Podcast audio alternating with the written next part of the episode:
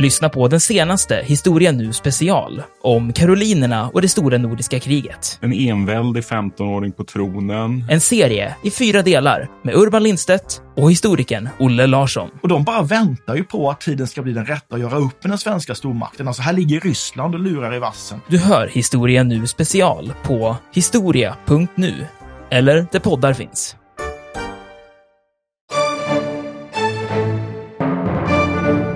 Det här är detaljerade beskrivningar.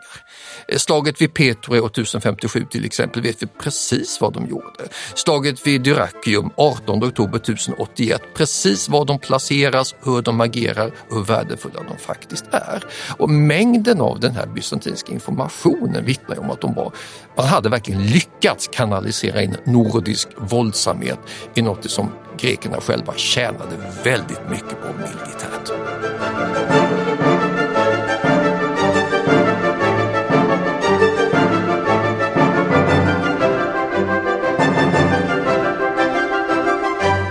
Välkomna till Harrisons dramatiska historia.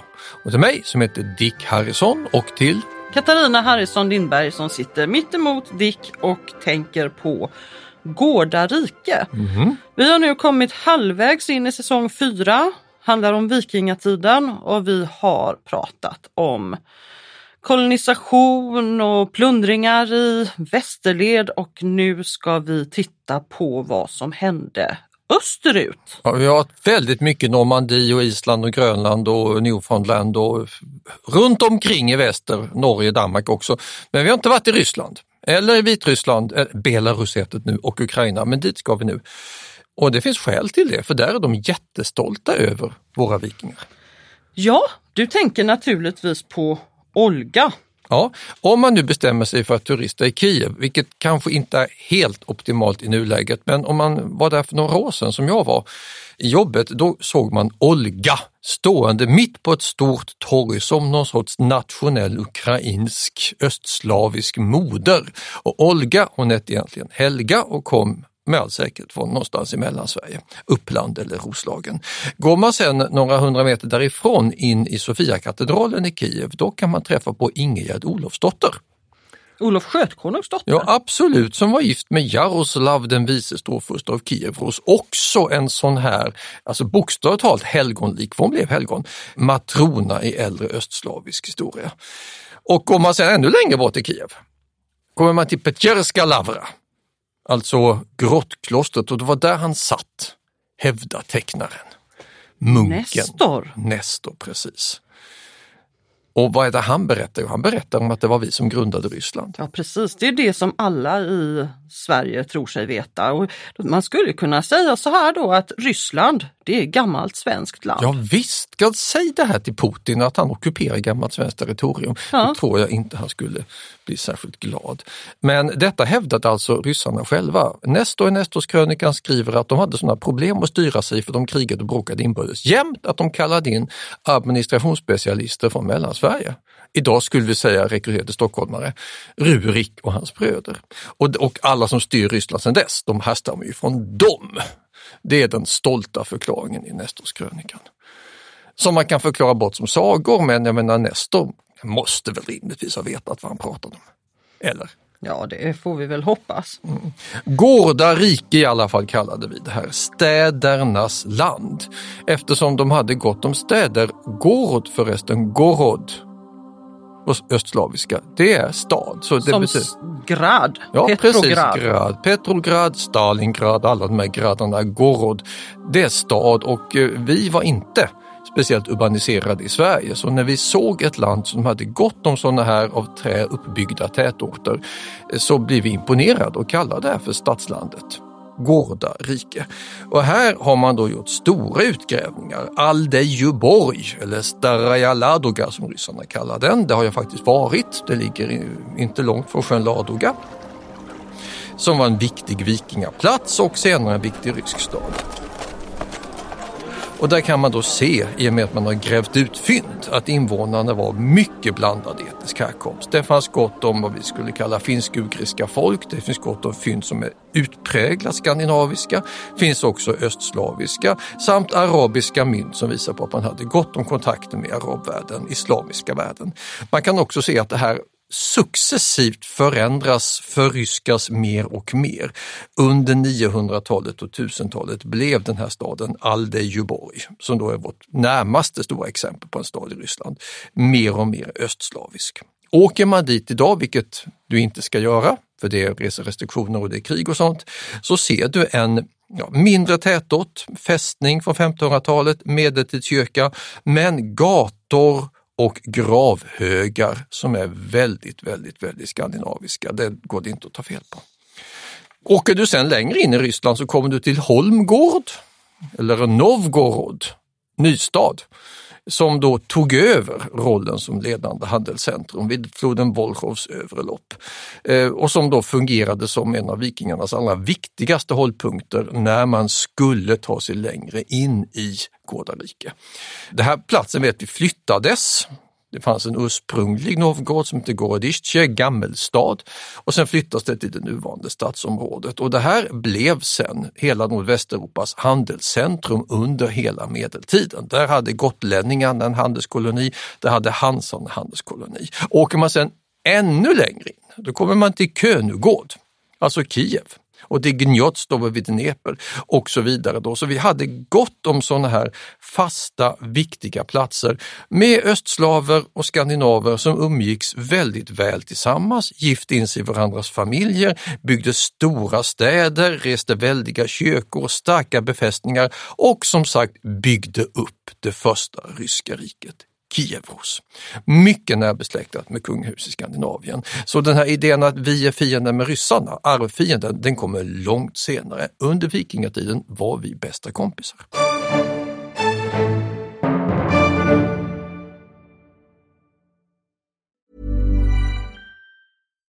Millions of people have lost weight with personalized plans from Noom. Like Evan, who can't stand salads and still lost 50 pounds. Salads, generally, for most people, are the easy button, right? For me, that wasn't an option. I never really was a salad guy. That's just not who I am. But Noom worked for me. Get your personalized plan today at Noom.com. Real Noom user compensated to provide their story. In four weeks, the typical Noom user can expect to lose one to two pounds per week. Individual results may vary.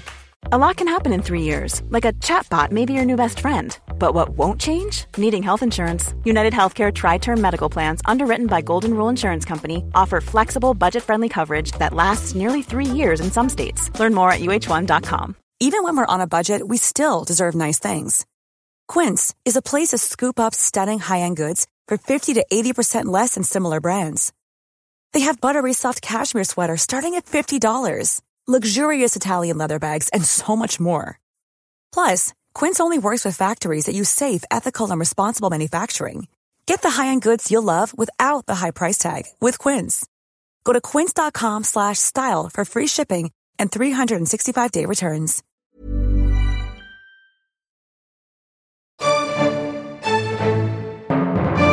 Och vissa av de här nordborna som färdades, de var väl utan tvekan krigare som tog tjänst hos furstarna i Gårdarike. Ibland, man kan till och med hitta dem. Ja, ibland så hittar man ju faktiskt arkeologiska lämningar efter det här. Om vi ska nämna ett bra exempel så är det Chestovica gravfältet.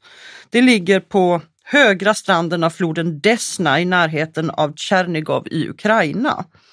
Där har man i alla fall hittat lämningar efter nordiska krigare och handelsmän från första hälften av 900-talet.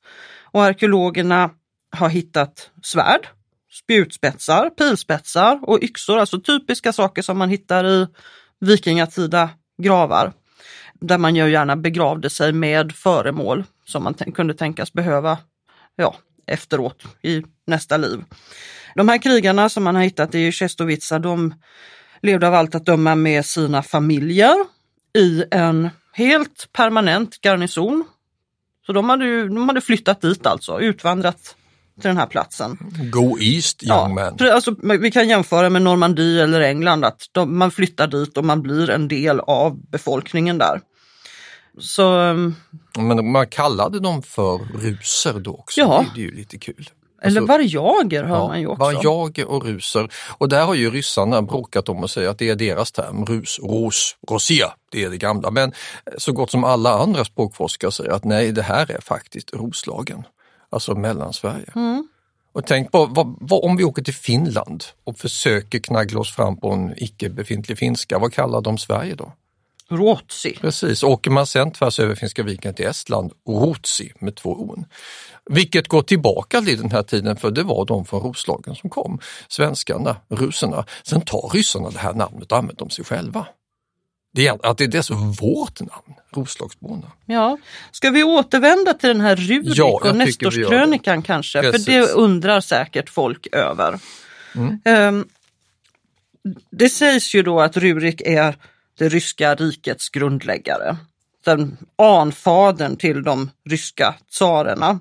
Och han ska enligt Nestorskrönikan ha dött omkring 879 och varit då en, en, ja, en, en kille, härskare från, från östra Sverige som kallades in till Ryssland för att ja, ta över och styra landet. Ja, för de bråkade så mycket att de klarade inte av sig själva.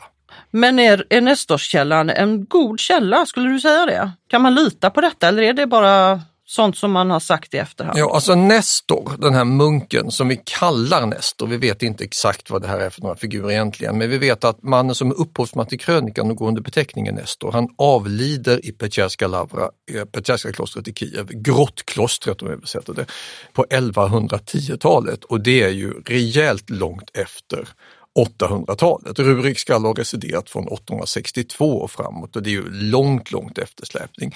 Och då måste man höja på de källkritiska ögonbrynen. Och det finns Försiktiga. inget bevarat källmaterial som, som, fin, som är äldre än så? Man alltså. vill gärna identifiera honom med en annan Rurik eller Rörik och då kan man, det här är alltså från 1830-talet och framåt, har man försökt identifiera honom med någon som ligger närmare i tiden. Finns det någon Rurik eller Rörik på riktigt som lever på 800-talet och som man nämner i Västeuropa. Och då hittar man en kille.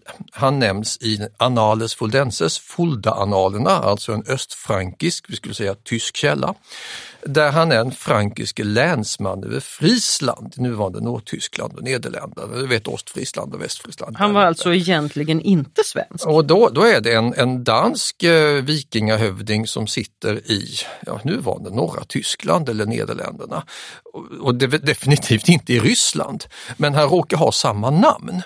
Eftersom man då har en Rurik som nämns på 1110-talet, duktig på härska, och en Rurik som nämns på 1800-talet, duktig och härska, så brydde man sig inte riktigt om på 1800-talet att det är extremt osannolikt att det är samma gubbe med tanke på att det var ett vanligt namn, utan man bestämde sig för att knyta ihop dem. Och i många moderna uppslagsböcker så kan man därför hitta veritabla biografier över Rörik alias Rurik. En dansk vikingaprins, fördrivs från faderns land, jag menar varför skulle han annars sticka därifrån? Härjar i Västeuropa som den sanne viking han är, gör karriär i västerled, har ett litet land i Friesland. Sen blir ryssarna imponerade av att han gör ju bra ifrån sig. Rurik, det är honom vi vill ha. Så man har lite headhunting och kallar in honom så han får grunda Ryssland också och sitta där ett litet tag tills han tröttnar, åker tillbaka eh, någon gång för att frankerna vill ha tillbaka honom så att han kan lokaliseras i Västeuropa igen på 1870-talet. Det här är fruktansvärt osannolikt. Det är extremt osannolikt och det är särklass troligast att det är två gubbar med exakt samma namn, ett på den tiden vanligt namn.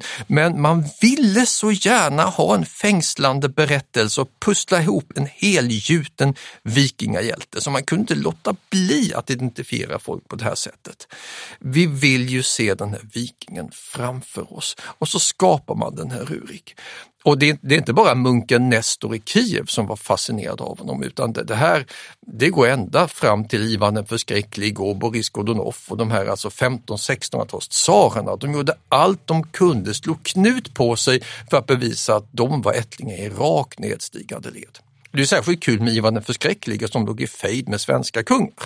Johan den tredje i synnerhet och skällde ut honom och kallade honom för att du hästar mig från en liten by i Småland, jag är en storfurste.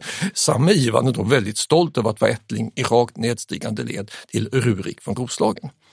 Det är lite häftigt. Ja, det är lite häftigt. Men det här bygger ju på att man ville dels från rysk sida och sen i modern tid pussla ihop de här vikingahjältarna. Och det här är ju dessutom Rysslands förmente grundläggare. Då, då, då måste han ju ha en spännande, cool historia. Mm. Dansk eller svensk eller något annat.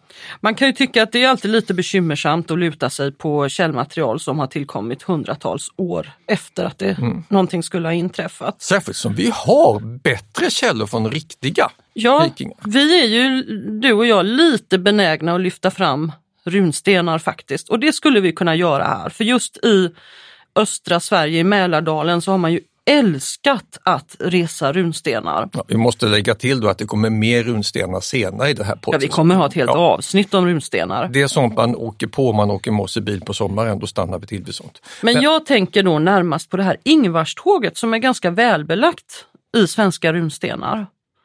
För här har vi ju faktiskt riktiga människor som är namngivna och som man vet gav sig iväg för att ja, söka lyckan österut. Ja, du nämnde ju det förra ja. avsnittet också. Gripsholmsstenen, men den är inte den enda. Nej, det finns ju flera stycken. Det återstår ungefär 25 inskrifter om det här tåget i, eh, på olika platser i, eh, i trakterna kring Mälaren eh, som nämner Ingvar eller hans släktingar eller ja, alltså man kan göra ett ganska bra pussel på hur de kände varandra och hur det gick och hur de dog och ja, allting. Ja, det här måste varit en stor expedition som gick ganska dåligt. Ja, det gick ganska var dåligt. det många som dog, men dog på ett sådant sätt i en sån stor expedition att familjerna såg det som en sorts resurs att berätta om de döda efteråt. Mm. Om vi ska tidsfästa det här så sker det på 1000-talet. Det är ett stort antal svenskar som ger sig iväg från Mälardalen. De reser genom Ryssland mot Kaukasus och Kaspiska havet. Så riktigt långt bort. Och, eh, och det går inte bra för dem. Det är väldigt många av de här som ger sig iväg som Eh, de kommer aldrig tillbaka för de dör under den här resan och därefter så reser man då stenar efter dem. Bland annat den här vid Gripsholm som vi pratade om. Och det här är ju då så pass långt och så pass många att de måste rimligtvis ha gjort det här i nära samarbete med Jaroslav och Ingegärd i Kiev. För de hade knappast släppt igenom en sån här stor drös svenska krigare tvärs igenom sitt land på resa österut. Så det här kan vara en gemensam svensk-rysk expedition för att utsträcka väldet någonstans till arabvärlden. Om detta vet vi inte mycket, men vi vet att det inte gick något vidare bra. Mm. Men allt kan ju inte ha gått dåligt, för man vet ju att många kom fram. Ja, dessutom återvände jätterika. Ja. För det här är ju något som är exceptionellt för svenskt vidkommande. Om man som globalhistorisk forskare vill bestämma sig för att forska om arabisk myntprägling, då ska man inte ta sig till arabvärlden. Då ska man åka hit. Om man tittar på sådana här väldigt värdefulla, fina, gångbara islamiska silvermynt som man präglade under tidig medeltid, så har vi omkring 85 000 bevarade på våra breddgrader, varav 95 procent har hittats i Sverige. Och då är det här forskning och upphittning pågår. Man hittar nya varenda år. Ja det gör man ju faktiskt. Man hittar ju silverskatter då och då. Det, det kommer ju faktiskt sådana nyheter då och då. Ja, en av de allra största är inte så jättegammal, Spillingskatten på Gotland. Mm. Som man hittar av en slump när man håller på med någon sorts inspelning och måste kunna hitta något för att visa hur arkeologi går till och så har man någon dag över och vips hittar man världens största silverskatt. Och, och det här är ju då sånt som vi har grävt ned i väntan på bättre tider islamiska silvermynt som man tog med sig efter att ha gjort bra affärer, får vi gissa. Krigat eller handlat? Eh, förmodligen mest handlat eftersom man var i numerärt underläge, men kunde handla. Med Volga-bulgarer vid Volga, med araber, perser vid Kaspiska havet, plockade med sig de här många präglade i Uzbekistan, i Samanidriket på 900-talet. De är lätta att datera tack och lov. Och Nej, nej, alltså jag har ju varit ofta, du har varit med någon gång i Mellanöstern och då har jag träffat kollegor i Syrien, Jordanien och sagt det här, 85 000 silvermynt. Och plötsligt så tänker de, men herregud, är Sverige ett arabland? Det visste vi inte. Hö, hö. Eh, eh jag lägger till att nej, men svenskarna kunde inte penningekonomi. Ni hade oändligt många fler silvermynt men ni använde pengarna för ni hade en aktiv penningekonomi och slet därför ut era mynt. Vi grävde ner dem i marken för det var bara silvervärdet som betydde något. Ja, och då så, kunde man spara det där Ja. tills man hade nytta av det och kunde göra, göra någonting och tillverka någonting av det. Ja, och så eh, sparar man och sparar man och det är bra att ha det där hemma, det ligger så bra där. Ska vi inte tulla på den här lilla silverskatten? Och så resonerar man så här och så Alla var från Småland. är det bortglömt. Alla. Nej, men det, det är en attityden, ha det här som en reserv. Ungefär som man ska ha en fin kapitalreserv på sitt lilla konto. Det är ju det lättaste sättet att förklara att man hittar så mycket idag. För det ligger där och sen kommer någon olycka och så glömmer man att det ligger och så brinner huset ner och så vet man inte vad det finns. På grund av det så har vi alltså väldigt, väldigt mycket silver på våra museer i Sverige.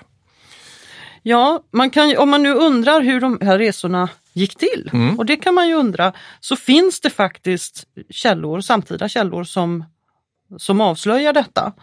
Vi har åtminstone en noggrann redogörelse eh, för hur de här, den här handelsleden från Kiev till Konstantinopel eller Miklagård. Miklagård som de kallar den här stora staden. Och eh, den finns tack vare den bysantinske kejsaren Konstantin den sjunde Porphyrogenetos. Precis, den purpurfödde, den i purpurgemaket födde Det är Konstantin. ett fantastiskt namn. Ja, alltså purpur, det var ju den viktiga kungliga kejserliga färgen för östromarna, alltså bysantinerna. Och han var då född som prins, vilket inte var självklart. Ofta så grep de makten i kuppen, men han var född i palatset i purpurgemaket. Så eh, jag som är prins från födseln, det är hans tillnamn. Ja. Konstigt att inte en purpurgemaksfödde. I vilket fall. Ja. På 940-talet så lät han skriva ned om, den, om en sån här typisk vikingafärd i eh, ett eh, bokverk. På latin heter det De Administrando Imperio. Mm, om att styra riket. I det nionde kapitlet i den här boken om att styra riket så skildras det hur ruserna, alltså de här svenska vikingarna från Roslagen, reser söderut, söderut längs floden Dnepr för att handla i Konstantinopel. Och då står det så här att de börjar sin långa resa på olika ställen och vissa kommer ända från Novgorod. Övriga kommer från andra städer men alla sammanstrålar i Kiev innan de åker vidare. Fartygen tillverkas av slaver som måste erlägga tribut till de här ruserna och de hugger ut båtarna av trä. Och sen för man dem ibland över land till Dnepr. I Kiev så köper ruserna de här båtarna och utrustar dem efter behov. Och i juni, alltså försommar, fint väder, så färdas de söderut längs floden. Och utmed den här floden så finns det ett antal farliga forsar. Och när de når fram till en fors så går de flesta i land och så lastar man ur båtarna och varefter de allra skickligaste går ner i vattnet och känner sig för med fötterna så att de inte halkar och sen för de fram sina båtar så försiktigt som möjligt med hjälp av stakar. Och ehm, eh, så de, man liksom stöter och drar de här båtarna eh, tills forsarna ligger bakom dem. Den här bysantinska författaren han räknar upp de skandinaviska och slaviska namnen på sju av de här nio forsarna som har väldigt ja, fantasieggande namn. Kan du uttala dem? Esopi, Olvorsi, Gelandri, Aifor, Varoforos, Lianti och Strokon. Och det roliga med dem är att de dyker upp på fler ställen. Det är alltså en grekisk expert som har intervjuat några vikingar och skrivit ner det här och kejsaren säger det var intressant, det ska vi ta med i min bok. Vänder vi oss sen till våra runstenar. Nu är vi där igen. Nu är vi där igen. Och bestämmer oss för att kolla in gotländska runstenar. Då hittar vi en som nämner uttryckligen den här fjärde forsen, Aifor. Och Det var den största och farligaste av dem alla. Vi hittade den på en sten rest inte långt från Slite till minne av Ravn, Korpen på svenska då, en gute som enligt vad som sägs på stenen har färdats ända till Eifor. Så långt kom han och sen tycks han inte ha kommit längre och antingen kan han ju då ha drunknat men han kan ha mött till. lokalbefolkningen Han kan kanske. ha mött lokalbefolkningen. Petjeneger kallar vi dem. Petjeneger, patsinacker kallade grekerna dem. Asiatiska ryttarkrigare som kontrollerade steppen. Och vad det är som dödade Ravn, om det var forsen eller en petjenegisk pil, ja, det kommer vi inte att få veta. Men vi vet att det, var farligt just här, eftersom petjenegerna visste ju att här kan vi komma åt bra byte. Alltså tänker stråtrövare med asiatiska pilbågar. Ja det är klart, för man får väl tänka sig att de här ruserna de var rätt upptagna med sina båtar där och, och hålla ordning på lasten. Och och därför allt. hade de naturligtvis vaktposter som bytte av varandra medan övriga sjöfarare tog hand om varor och båtar. Och vissa kan till och med ha dragit eller burit båtarna på sina axlar till lugna vatten. Andra ledde då slavar, för de hade gärna med sig slavar för att sälja längs en landväg, nogsamt kedjade för att hindra dem från att rymma. Och det är klart i det läget, om jag hade varit petjenegisk stråtrövare, då hade jag ju slagit till.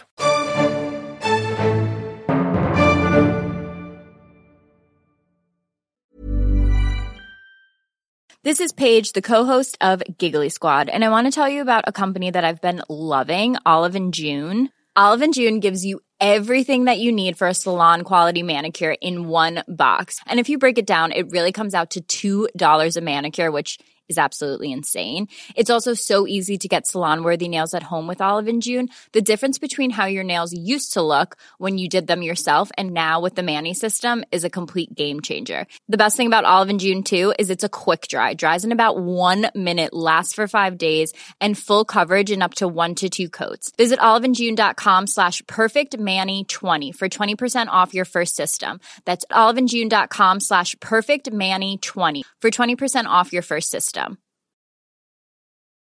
Millions of people have lost weight with personalized plans from Noom, like Evan, who can't stand salads and still lost 50 pounds. Salads, generally, for most people, are the easy button, right? For me, that wasn't an option. I never really was a salad guy. That's just not who I am. But Noom worked for me. Get your personalized plan today at Noom.com.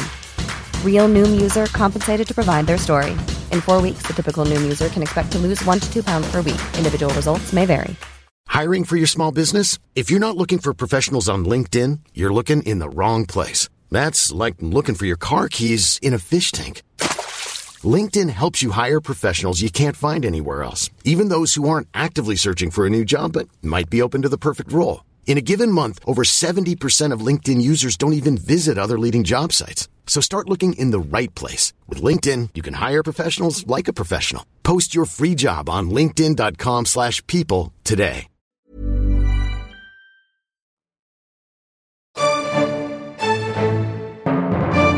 Om vi nu ska göra en liten utvikning här, för det här vet jag är ett ämne som ligger väldigt nära dig. På den tiden jag gick i grundskolan, det är ju urlänge sedan, eh, men då läste man ju faktiskt om det här och så fick man höra att vikingarna sålde pälsverk och eh, järn, tror jag. Ja, framförallt pälsverk, det fick jag lära mig. Ja, framförallt pälsverk, men det var, räknades nog upp lite annat där, kanske lite bärnsten och lite något annat så. Men man hörde ju aldrig talas om att de sålde några slavar. Det finns inget folk som är stolt över att ha varit utsatt för slavhandel eller för att ägnat sig åt det själva, utan det glömmer man lätt och det gäller alla folk på jordklotet. Vi är lika skyldiga här vid olika tillfällen. Och för vår del så är den mest väldokumenterade slavhandeln vi har ägnat oss åt just den här. Och faktum är att det är därför vi kallar slavar för slavar.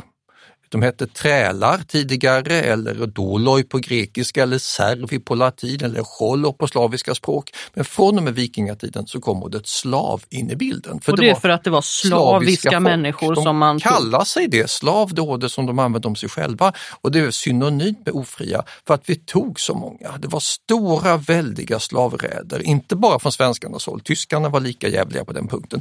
Och sen så säljer man dem till högstbjudande. Och då är det olika kön som är intressanta för olika marknader. Eh, ska man sälja till eh, Spanien, till de muslimska kaliferna i Cordova, vilket vi gjorde, både vi och tyskarna och fransmännen, då, då är det framförallt män, unga killar som man ska sätta i hårdträning och bli slavsoldater. Då förs de i karavaner tvärs genom Polen och Tyskland till Verdun, där blir de kastrerade så att de snyggaste kan känna sig med eunucker. Alla andra riktiga burdusa, råbarkade krigare, de får bli krigare istället. Tjejerna däremot, slavinnorna, de finns det en stor marknad för nere vid Medelhavet och i arabvärlden. De ska till haremen och till hushållen och då skickar man ner dem längs med de här vandringslederna vid fossarna eller längs med Volga. Och den här slavhandeln den är alltså belagd i skriftliga källor. Ibn Fadlan som vi nämnde i en tidigare poddavsnitt. Ja just det, han, han då, som bevittnade den här höj, höjdarbegravningen ja. vid Bulgarien. Jag tror vi ska återkomma till det här senare eventuellt i ett annat poddavsnitt men han, han har en direkt skildring av hur man säljer slavar. Men just ja. hans skildring tror jag att vi skjuter lite på. Det men, kan vi göra. Men i alla fall, det här ser man ur, ur rent samfärdsmässigt sett när man skrev förbi de här forsarna så får du alltså tänka in en massa flyktbenägna slavar också som man ska driva fram och hålla koll på samtidigt som båtarna måste manövreras fram i de jobbiga fossarna. Och då har du dessutom x antal jobbiga asiatiska ryttarkrigare med pilbåge runt omkring. Mm. Och då förstår man varför de här fossarna fastnade i minnet. Det här var farligt. Det var akilleshälen på den här färden söderut. Kom man bara förbi dem, mm. Om vi, nu, vi, vi återvänder till den här redogörelsen då. Man ja. har tagit sig förbi de här forsarna och eh, man liksom reser vidare. Man, eh, de som nu lever. De som lever har klarat sig. Till slut så kommer man till flodmynningen, Dneprs flodmynning. Där finns det småöar där man kan rasta och vila ut. Och här offrar de fåglar åt sina gudar, beskriver den här sagesmannen. Och förbereder sig för nästa etapp, nämligen färden längs Svarta havets kust. De seglar ett par dagar i taget, rastar på öar och vid flodmynningar. Ibland är det säkert och ibland så vet de att de här ryttarfolken, petchenegerna, mycket väl kan eh, dyka upp och man måste akta sig. Och eh, så småningom så kommer man till Donaudeltat eh, och där finns inte de här längre, då det är inte deras område längre. Ja, det är att, träskmarker och ja. fåglar och annat, det kan man ta det lugnt. Och sen så, så återstår bara den sista lilla sträckan ner till Konstantinopel och den är då inte så svår beskrivs det som. Så hela den här färden lär ha tagit ungefär sex veckor. Om ingenting märkligt hände. Och det skedde då sommartid. Man reste iväg i juni och man har någon månad på sig att handla i Konstantinopel. Ja, man blir kvar där en tid och eh, ja, säljer sina varor, jag tänker, låter bli augusti, att hamna i problem. Augusti tror jag man ska handla, sen måste du upp igen, annars ja. kommer du för sent hem. Men det, alltså, vi har mer än så här. Alltså, när man tänker vikingar, vi har ont om källor. Detta gäller alltså inte alls resorna i österled. För här, här, här talar vi skriftspråkliga traditioner. Inte nog med att vi har de här fossarna uppräknade.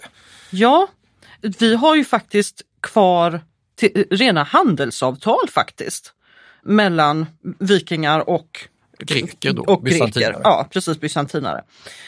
De här har överlevt i Nestorskrönikan. Men eh, här är det ju uppenbarligen så att det inte är Nestor som hittar på detta utan det här är någonting som han bara återger. Skriver det, av. Ja, han skriver av det här. Så att eh, sådana avtal slöts vid mer än ett tillfälle. Det slöts ett år 907, ett nytt 912, ytterligare ett 945 och ett 971. Så att man, man omförhandlade väl de här med, med kanske jämna mellanrum. Sen vet vi inte om Nestor är med alla eller om det har funnits fler, men de här finns i alla fall bevarade där. Om man tittar på det första, det som slöts 907, då eh, bestäms det där att bysantinarna, de ska skänka rusiska handelsmän alla förnödenheter som de behöver. Det kan vara sånt som bröd, vin, kött, fisk, frukt, ja, Möjligheter att bada till och med. Bad, precis. Man kan inte ha skitiga ruser på i stan. Det luktar så mycket snusk om dem. Ja. Nej. Det är ju det enda man har hört om gamla vikingar, jag på att säga, att de var så äckliga. Och kommer de ner till Konstantinopel ja. måste de ju tvätta sig. Men i alla fall, ja, så det ingår ett bad i alla fall. Det är väl bra. Det här, det här ska de få under de månader som de uppehåller sig vid staden. Detta under förutsättning att de har tagit med sig varor som de säljer. Dessutom, och det här är ju viktigt, de slipper betala tull. I gengäld var de förpliktade att inte bruka våld och de måste hålla sig till ett särskilt kvarter, Sankt Mamaskvarteret, utanför själva Konstantinopel. Och när de ska komma in, de, uppenbarligen vill man ha koll på de här personerna, för när de ska in i själva staden så får de bara gå in på ett enda ställe genom en port. De måste vara obeväpnade och de får vara i grupper om 50 personer. Så att det här är någon sorts säkerhetstänk uppenbarligen. Till råga på allt så ska de vara åtföljda av en bysantinsk officer så de får inte drälla omkring som de vill in i stan. För... Kul att se det här! Ja. Så kommer låtgrisar från Sverige och Ryssland och eh, ska bada och officerer vakar på dem, de får inte bo inne i stan. Men man vill ha deras varor. Ja, man vill ha deras varor man, och man ser till att, eh, uppenbarligen vill man ju det för man, man anstränger sig ju här och ser till att de blir gödda och födda och badade under tiden. Men man är tydligen också lite nervös inför de här figurerna. Och det ser vi ännu tydligare ja, i nästa avsnitt. sen så kommer det ju, menar, det kommer ju fler avtal här och för när, varje nytt avtal mellan nordborna och de här grekerna så blev den här handeln allt mer noggrant reglerad. Om vi tittar på 945 års avtal så beslöt sig de rusiska och bysantinska myndigheterna att köpmännen som färdades från Gårdariket till Konstantinopel, de skulle vara försedda med skriftliga certifikat som garanterade att de var ute i fredliga ärenden. Och eh, i, i de här dokumenten så anges det hur många båtar som de, här, som, som de hade gett sig av med söderut och, och, och det, de förbjuds också att bli kvar i Konstantinopel över vintern.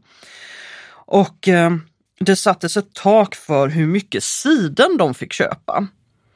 Alltså det här är ju underbart. Ja. Man, när man sätter sådana här regler är det ju bara av ett skäl. Det har varit problem. Alltså. Ja. Och vi vet att de var våldsamma. De angriper bysantinerna ibland, gör små angrepp. Och sidorna, men är de rika så kan de ju krossa marknaden. Detta får ju inte ske. Vi har grekiska köpare också, annars hade man ju inte infört sådana Nej. här regler. Det, det, det, det är fantastiskt. Genom att se de här reglerna så förstår man ju, eftersom, precis som du säger, man har reglerat för att det har funnits Problem. bekymmer. Mm. Så ja, det, det är ju lite kul faktiskt. Mm. Men då, då, finns det ju, om jag får hoppa in här vid, ja. ett sätt att kanalisera eventuell nordisk våldsamhet så att även grekerna tycker att den är bra. Nu tänker du på väringarna? Nu tänker jag på väringarna. Här kommer det alltså alla som sticker iväg hit är inte sidenhandlare och slavhandlare. Det finns en del riktiga krigartyper också, sådana som vill ut och slåss. Och vi vet att de ibland angriper platserna i bysantinska riket. Det är därför man har sådana här regler. Men tänk då om man istället kan kanalisera deras våldsamhet rakt in i bysantinska armén så att man kan använda den till sitt eget fromma. Sådana tankegångar dyker upp senast på 800-talet och ännu mer på 900-talet. Och det leder till en, ett starkt element av krigaremigration, krigarimigration, så kallade väringar, Och väringar, alltså edsvurna. Eh, grekerna kallar dem barangoi också och de är alltså legoknektar, främlingslegionärer som tar tjänst som krigare i Bysantinska riket. De dyker upp i mitten av 800-talet. Först är belagda för kejsar Mikael IIIs regeringstid och i slutet av 900-talet under Basileios den andre, känd som Bulgaroktonos, bulgardödaren. Då rekryterar man jättemånga. Han upprättar ett speciellt garde och 988 i Konstantinopel ett elitregemente som åtnjuter hög prestige och som får väldigt, väldigt mycket pengar och rikedom om de gör något bra. Som blir stöttepelaren i huvudstadens försvar och de är inte sysslolösa. De dras iväg på mängder av fälttåg. De får marschera hela vägen ner till Homs i Syrien, Emesa, som de erövrar 999 åt Bysantinska riket. De marscherar i Armenien och Georgien, skickas för att erövra Syditalien, åker omkring på Balkan på sina hästar och krigar med sina yxor krossa bulgarernas armé år 1016 så pass effektivt att de fick dela på en tredjedel av hela krigsbytet. Vilket var mer än alla andra bysantinska soldater fick. Vi känner också till hur de slåss. Ibland till sjöss, ibland till häst, men i regel till fots. Viktigaste vapnet var då en stor tvåhandsyxa som de var mästare på. Sen hade de svärd och spjut också, framförallt om de strider på hästryggen. Och min poäng här är att det här är detaljerade beskrivningar. Slaget vid Petro 1057 till exempel vet vi precis vad de gjorde. Slaget vid Dyrrachium 18 oktober 1081, precis var de placeras, hur de agerar hur värdefulla de faktiskt är. Och mängden av den här bysantinska informationen vittnar om att de var, man hade verkligen lyckats kanalisera in nordisk våldsamhet i något som grekerna själva tjänade väldigt mycket på militärt. Det här kan ju på något sätt förklara varför man inte vill släppa in eh, de här i, med vapen i stan hur som helst. Ja, hur som helst, de får gärna komma till regementet efter ja. att de blivit värvade, men inte Precis. annars. Ja. Men jag har äh, alltid trott att de här väringarna var någon sorts skyddsvakt för äh, kejsaren. Du beskriver ju mer som att de bara är legosoldater. Ut med er och slåss dit jag skickar er. Ja, de är både och. Ett väringargarde var väldigt stort och uppdelat i flera avdelningar. Mm. Vi vet även namnen på deras officersgrader. Men en av deras huvuduppgifter var mycket riktigt att skydda kejsarens person. Nu blev du inte medlem i den avdelningen direkt, du får meritera dig till den, stiga i graderna efter att ha krigat, bevisa ditt värde. Så det är ett privilegierat fåtal av dem som kommer kejsaren mycket nära och de fungerar närmast som livvakter. Basileus den andre omgav sig alltid med en eller flera nådbor med yxa, svärd och sköld. Och när en ny kejsare skulle krönas, då marscherade de här väringarna, de utvalda elitkrigarna på båda sidor om honom åtföljd av hundra bysantinska ädlingar. De deltar också på ett framträdande vis i firandet av de stora kristna högtiderna, tågar i militärparader framför den kejserliga fanan och när Basileus intar sin plats på tronen i kyrkan så har han yxbärande nådbo bakom sig. En del av de här blir avbildade också. Men hur, hur, länge, hur länge överlevde detta? Ja. Överlevde det efter vikingatiden? Ja, det här blev ju väldigt känt att man kunde tjäna väldigt mycket silver på att tjäna i det här främlingslegionen i Konstantinopel där de här rika kejsarna ville ha nådbor. Så det här fortsätter. Det är inte bara 800-900-tal, det är hela 1000-talet, hela 1100-talet. Och det omnämns därför också i isländska sagor där man gav de här kejsarna speciella namn. Mitt favoritexempel är en av de största bysantinska kejsarna, Alexios den förste Komnenos som återupprättar riket efter en kris. Han har en särskild namnform på Island, man kallar honom Kirjalax av Kyrios Alexios, herren Alexios. Och det är de kring år 1100.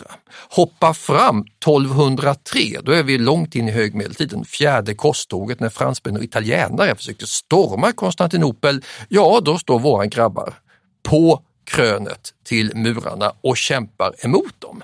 Och vi har ett ögonvittne, Geoffroy de Villardoin, som berättar om hur nordborna stod där och slog tillbaka hans franska krigare och hur de senare utposteras med stridsyxor vid Blacherna i palatset i Konstantinopel. Så det här det var en månghundraårig rekrytering av unga nordbor och så småningom även engelsmän som åkte hela vägen ner till nuvarande Istanbul för att de ville slåss och tjäna pengar på det. Det är ju ganska häftigt. Ja. Och en del av de här känner vi till väldigt noga med namn och hela deras historia kan berättas både med hjälp av nordiska och grekiska källor. Ja, och då antar jag att du närmast tänker på Harald Hårdråde. Harald Sigurdsson. Ja, Harald Sigurdsson kallas också Harald, han är väl mer känd som Harald Hårdråde. Ja, det är ja. den hårt rådande. Precis. Han föddes cirka 1015. Han var son till kung Sigurd Syr i Ringerike strax norr om Oslo, alltså södra Norge. Och redan som liten ska Harald enligt de här isländska sagorna som har bevarat hans historia ha lekt med låtsasskepp och drömt om att leda vikingaflottor. Och vid 15 års ålder blev stugan för trång, som eh, man säger om vikingar. Då kämpade eh, han med sin halvbror på, vid, vid hans sida vid slaget vid Sticklestad. Halvbrodern det är Olof den helige. Ja, precis. Och det var hans första fältslag och det gick inte så bra. Eh, tillsammans försökte de återvinna Norge där Olof tidigare hade varit kung men eh, den här fientliga bondehären var för stark. Eh, Harald den unge, han eh, sårades men eh, han lyckades gömma sig och han undkom ja, han, han dog i alla fall inte i det här. Och eh, han, hans bror stupade ju här, Ola den helige, han stupar i det här slaget vid Sticklestad, men, men själv överlever han i alla fall. Han flyr, han flyr österut, han hamnar i Kiev och där stannar han en längre tid. Storfurst Jaroslav uppskattar honom och ville kanske att han skulle stanna kvar men Harald han, han vill vidare. Eh, så han, eh, han, tar sig, han tar sig vidare, han härjar runt och 1034 så befinner han sig i Konstantinopel som soldat under kejsar Mikael den fjärde som då förde krig och behövde väldigt många väringar. Mm. Och sen kan vi då följa hans historia, vad han gjorde i den här väringatjänsten, både från nordiska källor och grekiska. Snorre Sturlason som då lever två sekler senare, han har då läst skaldedikter och försökt ta reda på vad som hände och har många väldigt färgstarka fantasifulla berättelser om vad han hittar på därvid. Vissa skaldedikter berättar att han slåss mot sjörövare på Egeiska havet, att han sänds till Sicilien och intar städer. Skalden Tjodolf berättar att han erövrade 80 befästningar i Särkland, alltså någonstans i Syrien eller arabvärlden. Framförallt ska han ha krigat på Sicilien. Och det är fullt möjligt, för vi vet att just under dessa år, 1038 till 1041, då är det stora bysantinska fälttåg under ledning av Georgios Maniakes som erövrar en stor del av östra Sicilien och där ska då Harald ha varit med. Vi vet att han blev befordrad han befordras till Manglavites som en hederstitel med hög status. Vi kan följa det här i de bysantinska rullorna, Logos Nuthetetikos. På våren 1041 tycks han ha varit på Syditaliens fastland och bekämpat upproriska normander, alltså franska vikingaättlingar som hade blivit legosoldater där. Han hamnar i Balkan samma år och får, liksom en tidigare kejsare, tillnamnet Bulgaroktonos, bulgardödaren. Och han blir så småningom så pass meriterad att han upphöjs till Spataro Candidates, livvaktsofficer. Och han hade alltså väldigt här, saftiga namn på den ja, här tiden. hamnar där i elittruppen i Konstantinopel. Eh, och då har han ju gjort precis den här drömkarriären som de, alla de här väringarna ville. Från att ha kämpat överallt till att hamna la crème de la crème vid kejsarens egen sida. Och sen dör kejsaren. 10 december 1041 tronstrider utbryter. Ja. En ny kejsare dyker upp, Mikael den femte, blir fientligt inställd mot enkekejsarinnan Zoe och då dras Harald in i det här spelet. Ja, det gör han. Då, den här Mikael då som avsätts, han ska få ett straff. Så man, man ska se till att han blir blind, han bländas. Och då deltar uppenbarligen Harald själv i det här bländandet av Mikael. Och, um, det är alltså väldigt smutsigt. Ja. Sticka ut ögonen eller hålla glödgat järn framför ögonen. Precis. Det, det vill inte vanliga greker smutsa sina fingrar med. Nej, men därefter så verkar det som att Harald har fått nog. Han kanske har gjort allt han tycker, han har tjänat på skepp, han har varit i livvaktstyrkorna och han har satts till det här smutsiga verket på slutet. Och, eh, men sen så, han känner att han vill åka hem. Det vill inte de här bysantinerna att han ska göra så han får rymma. Ja, det, var, det, är något som inte stämmer här riktigt. Det är förmodligen misstanke om att han ska ha försnillat medel eller att han ska ha försökt dra sig undan någon förpliktelse. Han rymmer i alla fall olovandes mm. och åker till, ja, till Kiev. Där han innan han stack iväg till Konstantinopel tycks ha träffat en tjej. Ja, Elisaveta. Ja, storfurstens dotter. Mm. Och nu när han kommer tillbaka med jättemycket silver, då är han ett så kallat gott parti. Så de blir gifta? Så Jaroslav och Ingrid, tycker att honom ska vi ha. Och Elisabet, Elisabet hade ingenting emot det. Mm. Och sen och, åker han hem till Norge. Och blir kung. Och blir kung. Han har ett rejält startkapital, kan skaffa sig hedmän och hans brorson Magnus som då är kung i Norge ser sig tvungen att släppa in honom. Magnus dör kort tid senare. Mm. Harald tar över och eh, hade han inte velat bli kung av England också 1066 då han stupade vid Stamford Bridge så mm. hade han säkert kunnat regera mycket länge. Men han går till historien som en av Norges viktigaste kungar, Harald Hårdråde. Det är ett rätt makalöst liv faktiskt. Ja. Så mycket detaljerad information har vi alltså om nordborna när de reser i österled till den delen av Europa där man var väldigt imponerad, förskräckt, förundrad över dem och därför nedtecknade väldigt, väldigt mycket. Och då har vi ändå bara berört en liten bit av dem. Vi har ju snuddat vid den här handeln, avtalen, mm. slavhandel. Men vi ska berätta mer om handel och handelsmän, men ja. det får bli ett annat avsnitt. För nu har vi haft en massa krigare i två avsnitt på varandra, så nu går vi över till den rent kommersiella aspekten av vikingarna. Köpmän, handelsresande och alla de uppgifterna. Det tar vi i nästa avsnitt. Tack och hej!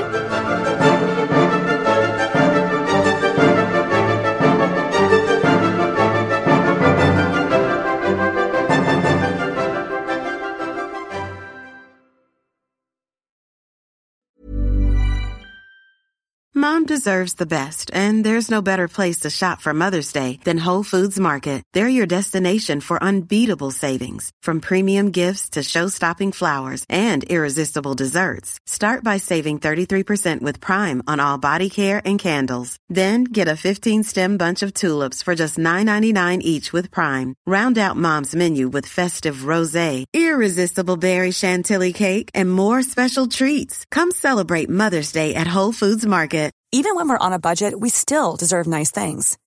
Quince is a place to scoop up stunning high-end goods for 50 to 80% less than similar brands. They have buttery soft cashmere sweaters starting at $50, luxurious Italian leather bags, and so much more. Plus, Quince only works with factories that use safe, ethical, and responsible manufacturing. Get the high-end goods you'll love without the high price tag with Quince. Go to quince.com/style for free shipping and 365-day returns. Iran har under 1900-talet genomgått tre omvälvande revolutioner som orienterat landet antingen mot västerlandets modell eller mot en auktoritär styrelseform. Idag pågår en social revolution i landet som vänder sig mot det islamistiska styret och vars anhängare har Europa och väst som förebilder. I en viktig bok ger idéhistorikern Mohammad Faslashemi en djupare förståelse för dagens dramatiska händelseutveckling. Iran mellan tre revolutioner är utgiven av förlaget Historiska Media. Beställ den fysiska boken på förlagets hemsida historiskamedia.se eller köp den i en bokhandel nära dig.